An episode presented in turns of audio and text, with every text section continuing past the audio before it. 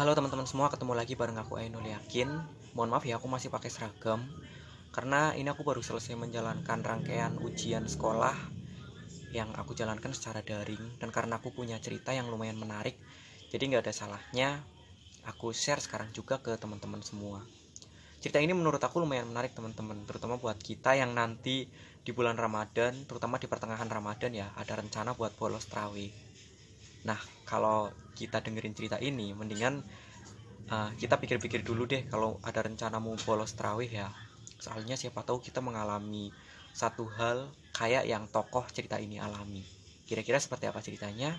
Langsung aja kita dengerin.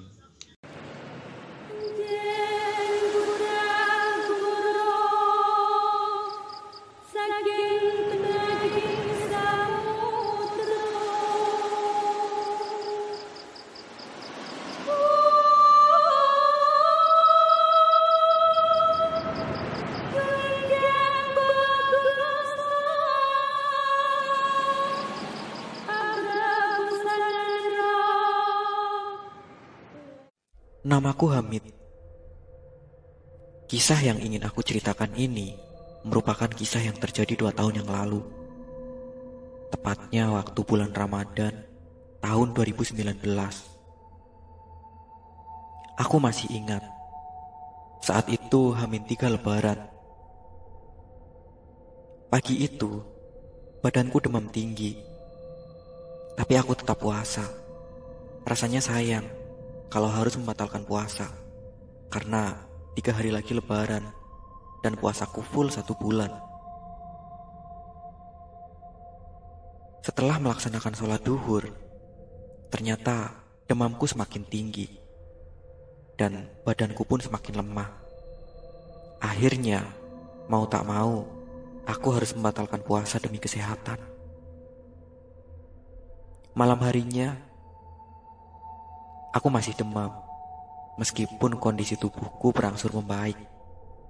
Tapi terpaksa malam itu, aku tak bisa ikut sholat tarawih. Malam itu, semua keluargaku berangkat sholat tarawih. Ayahku, ibuku, kakakku, dan adik wanitaku.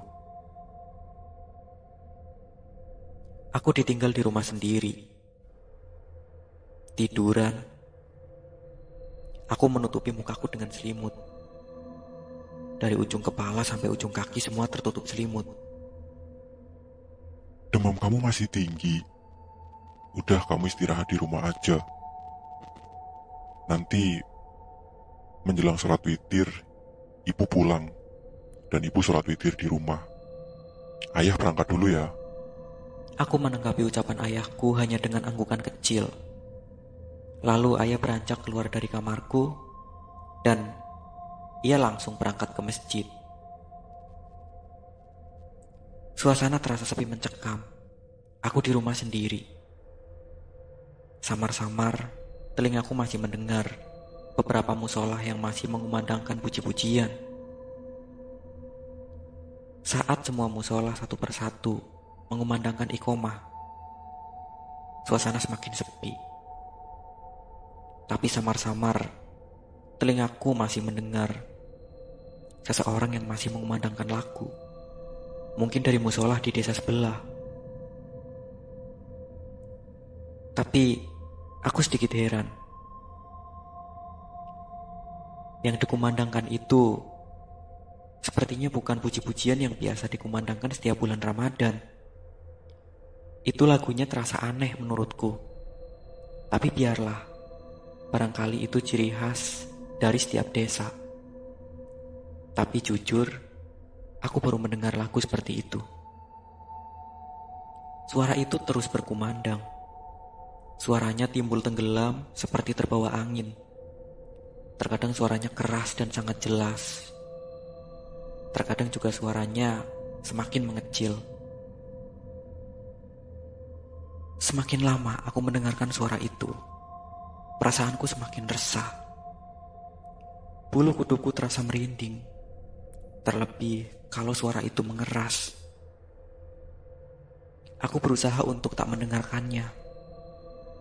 Tapi entah kenapa, Walaupun telingaku sudah ditutup, suara itu tetap terdengar.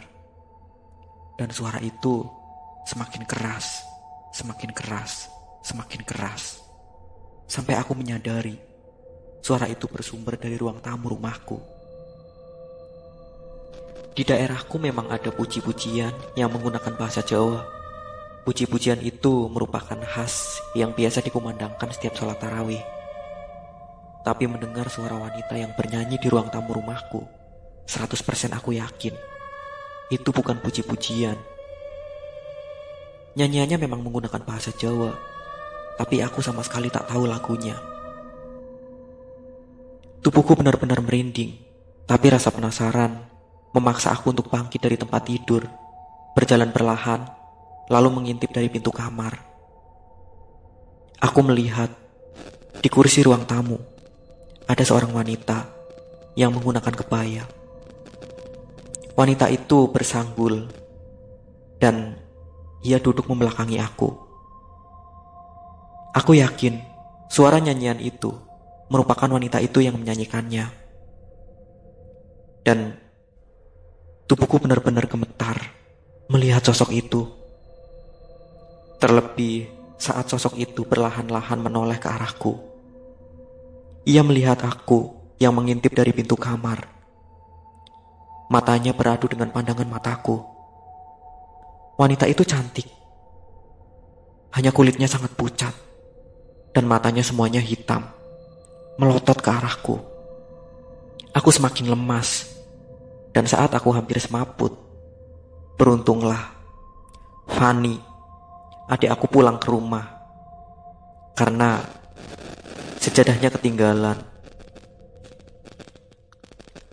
Saat itu, sosok wanita yang duduk di kursi ruang tamu langsung menghilang. Dan aku pun berangsur-angsur langsung pulih tenaganya. Saat itu, aku langsung memutuskan untuk berangkat sholat tarawih saja. Daripada aku berada di rumah sendiri dan mengalami hal aneh sekali lagi. Mungkin cerita ini bisa menjadi pelajaran untuk teman-teman semua yang terkadang malas berangkat sholat tarawih dan memilih di rumah sendiri.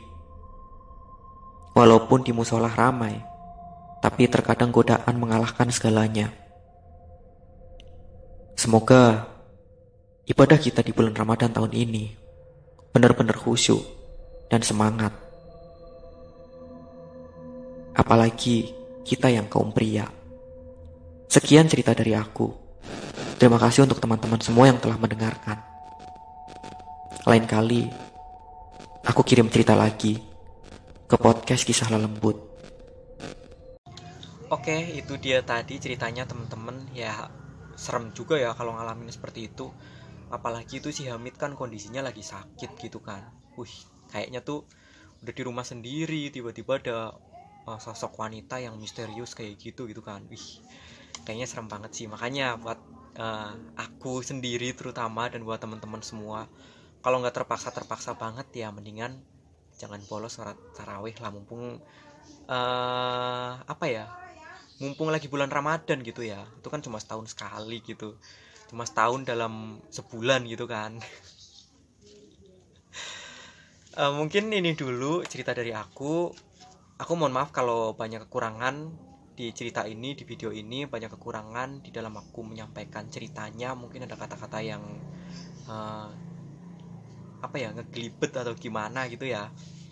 Pokoknya aku mohon maaf yang sebesarnya buat semua kekurangannya terima kasih buat teman-teman yang udah nonton video ini yang udah dengerin cerita dari aku dan kita berjumpa lagi di episode yang selanjutnya dan buat teman-teman karena sebentar lagi bulan Ramadan aku ucapin selamat menunaikan ibadah puasa di tahun ini semoga kita diberi kesehatan diberi umur panjang supaya kita bisa menjalankan semua rangkaian ibadah di bulan Ramadan yang mulia di tahun ini. Terima kasih banyak sekali lagi. Wassalamualaikum warahmatullahi wabarakatuh dan sampai jumpa.